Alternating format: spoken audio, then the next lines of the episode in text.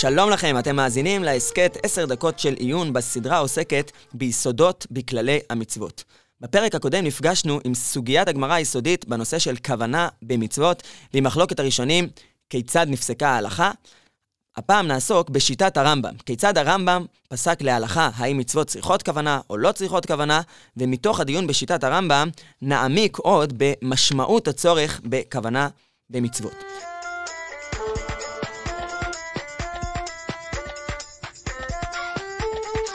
השיטה של הרמב"ם בנוגע למצוות צריכות כוונה עוררה דיון נרחב כבר בפרשנים הקדומים של הרמב"ם, והמשיכה להעסיק את הפרשנים עד ימינו, והבעיה העיקרית בשיטת הרמב"ם נובעת מזה שיש שתי פסיקות סותרות, לכאורה, שמתייחסות ממש למקרים שנידונו בגמרא במסכת ראש השנה.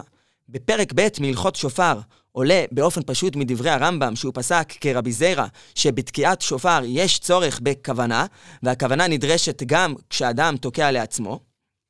וראינו בפרק הקודם שכך גם פסק השולחן ערוך, באמת בעקבות הרמב"ם. זה בהלכות שופר, אבל הרמב"ם בהלכות חמץ ומצה פסק שמי שאכל מצה בלא כוונה, כמו בדוגמה של הגמרא, מי שאנסו גויים לאכול, יצא ידי חובתו, למרות שזה מפורש בגמרא שההלכה הזו של מי שכפאו לאכול מצה, היא רק למאן דאמר שמצוות לא צריכות כוונה, ורבא הרי בגמרא למד מההלכה הזו שהתוקע לשיר בראש השנה יצא.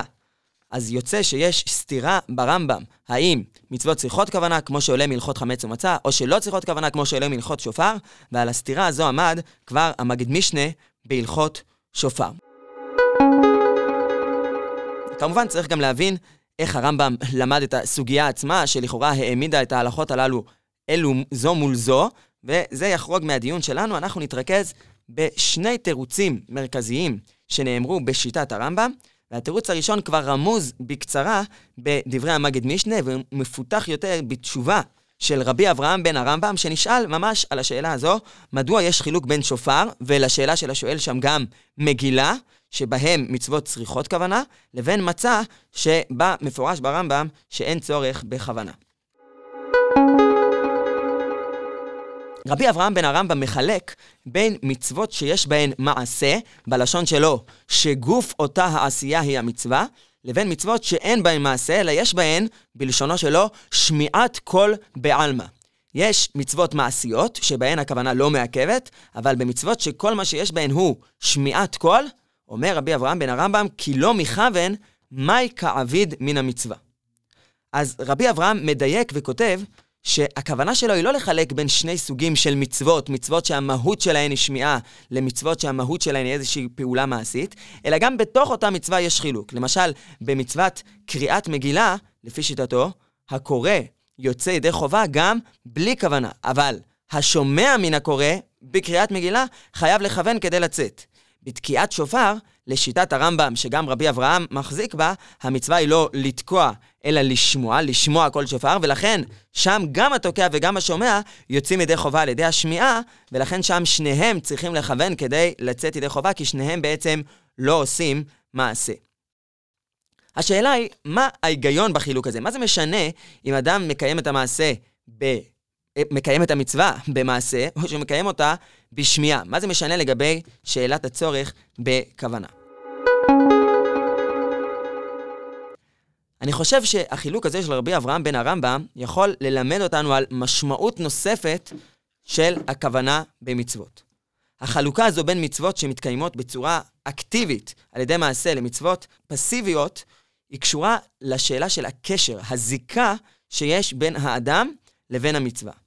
במצווה שאדם מקיים אותה על ידי מעשה, הקשר בינו לבין המצווה חזק יותר. במצווה פסיבית, הקשר רופף. המצווה מתקיימת כאילו מחוץ לאדם, על ידו. רק באופן פסיבי הוא נחשב למקיים מצווה. נראה שהצורך בכוונה, לפי מי שאומר שמצוות צריכות כוונה, המשמעות שלו, שלו היא שהאדם יהיה מודע לכך שהוא עושה מצווה. הוא יקשר את עצמו אל מעשה המצווה, אל העובדה שכרגע מתרחשת כאן מצווה. בלי כוונה, יש נתק בין האדם לבין המעשה. אבל, לפי הרמב"ם, הכוונה הזו מעכבת דווקא במצוות פסיביות. במצוות מעשיות, הקשר, לפחות הקשר המינימלי בין האדם לבין המעשה, קיים גם בלי כוונה. אם האדם יקרא מגילה בעצמו, אז אי אפשר לומר שהוא לא עשה את המצווה, שהוא מנותק ממנה, שהוא לא היה שם.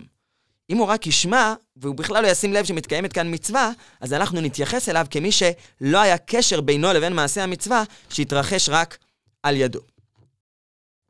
עד כאן ההסבר הראשון, ההסבר של רבי אברהם בן הרמב"ם.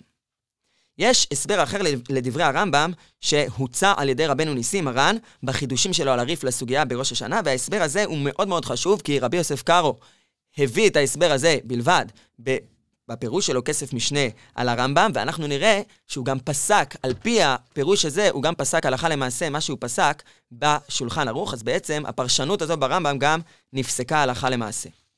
הר"ן מציע לחלק בין מצוות שיסודן באכילה, מצוות שיש בהן הנעת הגוף, לבין מצוות אחרות. במצוות שיש בהן הנעת הגוף כמו אכילה, הר"ן אומר שם אין צורך בכוונה, כי יש כלל, כלל שהמקור שלו הוא בעולם של איסורין, המתעסק בחלבים ועריות חייב, שכן נהנה. הכוונה היא שאם אדם למשל אכל חלב, אז הוא חייב קורבן חטאת על המעשה, גם אם לא הייתה לו את המודעות הבסיסית שנדרשת כדי לחייב קורבן חטאת, נגיד בשבת.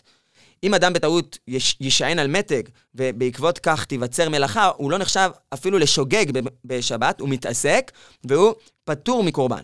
כדי שאדם ייחשב כשוגג בשבת, הוא צריך להיות מודע למעשים שלו, ורק לא לדעת שהמעשה הזה אסור. זה בשבת, אבל באיסורים שעיקרם הנעת הגוף, כמו חלבים ואריות, התודעה של האדם משמעותית רק לגבי השאלה אם הוא נחשב שוגג או מזיד. אבל בכל מקרה, אם גופו נהנה, הוא מוגדר כמו מי שעבר את העבירה לפחות בשוגג, ולכן בכל מקרה הוא חייב קורבן. ומה שהר"ן עושה זה בעצם להעתיק את העיקרון הזה מהעולם של איסורין לעולם של מצוות. ועל פי זה הוא מסביר את שיטת הרמב"ם.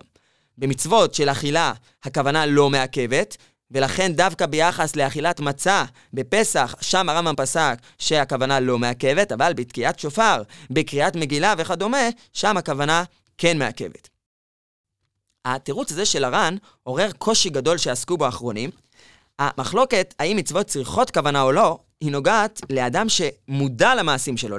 לדוגמה, אדם שיודע שעכשיו הוא תוקע בשופר, רק המטרה שלשמה הוא תוקע היא לא תקיעת שופר, אלא לשיר, לאיזשהו משהו מוזיקלי. אז למרות שהוא מודע למעשים, יש חיסרון בכוונה שלו לשם מצווה, מטרת המעשה, וזה גורם לכך שהוא לא יצא ידי חובה, למאן דאמר, מצוות צריכות כוונה. לעומת זאת, כשאנחנו דנים על מתעסק, אנחנו דנים על אדם שבכלל לא עושה את המעשה בשביל לעבור עבירה, הוא בכלל לא מודע לכך שהוא עושה את המעשה. הוא לא רק לא עושה את זה בשביל זה, הוא גם לא מודע לכך שהוא עושה את המעשה, ולח... ואף על פי כן בחלבים ואריות הוא חייב בקורבן. והשאלה היא, איך החידוש של מתעסק בחלבים ואריות, שבעצם המטרה שלו היא להגדיר את האדם כמי שעשה את המעשה למרות חוסר המודעות שלו, איך החידוש הזה יכול לגרום לזה שאנחנו נחשיב את האדם במצוות, מי שעושה את המעשה בלי כוונה מסוימת, למה שנחשיב את זה בגלל שזה מצוות של אכילה, כאילו הוא כיוון לשם מצווה? מה שחסר זה שהוא לא כיוון לשם מצווה. בגלל שזה מצוות של אכילה, זה ייחשב שהוא כיוון לשם מצווה? נראה שאפשר להסביר את הדברים של הר"ן על פי אותו יסוד שהסברנו קודם בדברי רבי אברהם מן הרמב"ם. המטרה של הכוונה במצווה היא לא להוסיף עוד רובד של כוונה למצווה, היא לקשר את האדם אל מעשה המצווה. הר"ן לומד מהכללים של מתעסק בחלבים ואריות, מהכלל הזה באיסורים, שבדברים שיש בהם הנעת הגוף, אדם קשור אל המעשה מעצם המציאות. הוא נהנה. השייכות הזו כבר מספיקה בשביל לקשר אותו אל המעשה עצמו, גם אם בתודעה שלו אין שום קשר, גם אם בתודעה שלו הוא לא חושב על המעשה, הוא לא מכוון לעבירה, הוא לא חושב על זה שיש מצווה, ולפי הר"ן, לפחות לפי איך שהוא מסביר את הרמב"ם, גם המטרה של הכוונה במצוות היא לא להוסיף רובד נוסף של כוונה על המעשה, אלא המטרה היא ליצור קשר בין האדם לבין המעשה. והקשר הזה הוא קריטי במצוות. שאין בהן הנעת הגוף, אבל במצוות שיש בהן הנעת הגוף, אפשר להסתדר גם בלי הכוונה, בלי הקשר התודעתי.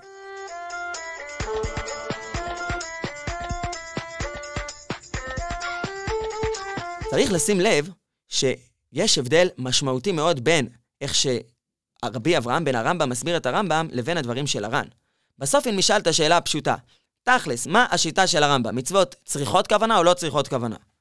אז לפי רבי אברהם בן הרמב"ם, הש... התשובה תהיה שבאופן עקרוני, מצוות לא צריכות כוונה. רק אם מדובר במצוות שאין בהן מעשה, מצוות שהאדם מקיים בצורה פסיבית, בשמיעה לדוגמה, רק בהן הן בעצם היוצאות מן הכלל שבהן יש צורך בכוונה. אבל לפי הר"ן, זה הפוך. לפי הר"ן באופן עקרוני מצוות צריכות כוונה, אבל במצוות שיש בהן הנעת הגוף, דווקא בהן אין צורך בכוונה, וההבחנה הזו בין שתי השיטות, שתי הפרשנויות בשיטת הרמב"ם, הן קריטית בשביל להבין את פסיקת ההלכה של השולחן ערוך, הלכה למעשה. כי כבר הזכרנו שהכסף משנה פירש את הרמב"ם כמו הר"ן, ובאמת, זה מתאים לפסיקה שלו בשולחן ערוך. בהלכות שופר הרמב"ם פוסק שיש צורך בכוונה, מצוות צריכות כוונה, אבל לא רק בהלכות שופר.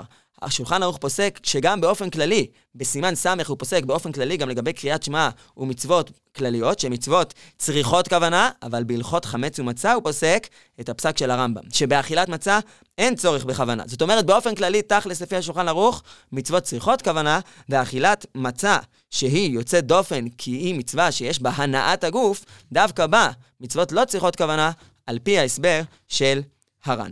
בפרק הבא נעסוק בשאלה האם ההלכה הזו של מצוות צריכות כוונה זהה בכל המצוות כולן? האם יש מצוות שלכולי עלמא המצוות לא צריכות כוונה, ואולי מצוות שבהן לכולי עלמא יש צורך בכוונה? לדוגמה נדון בשאלה מה היחס בין מצוות שבין אדם למקום למצוות שבין אדם לחברו, ועד אז, שלום לכולם.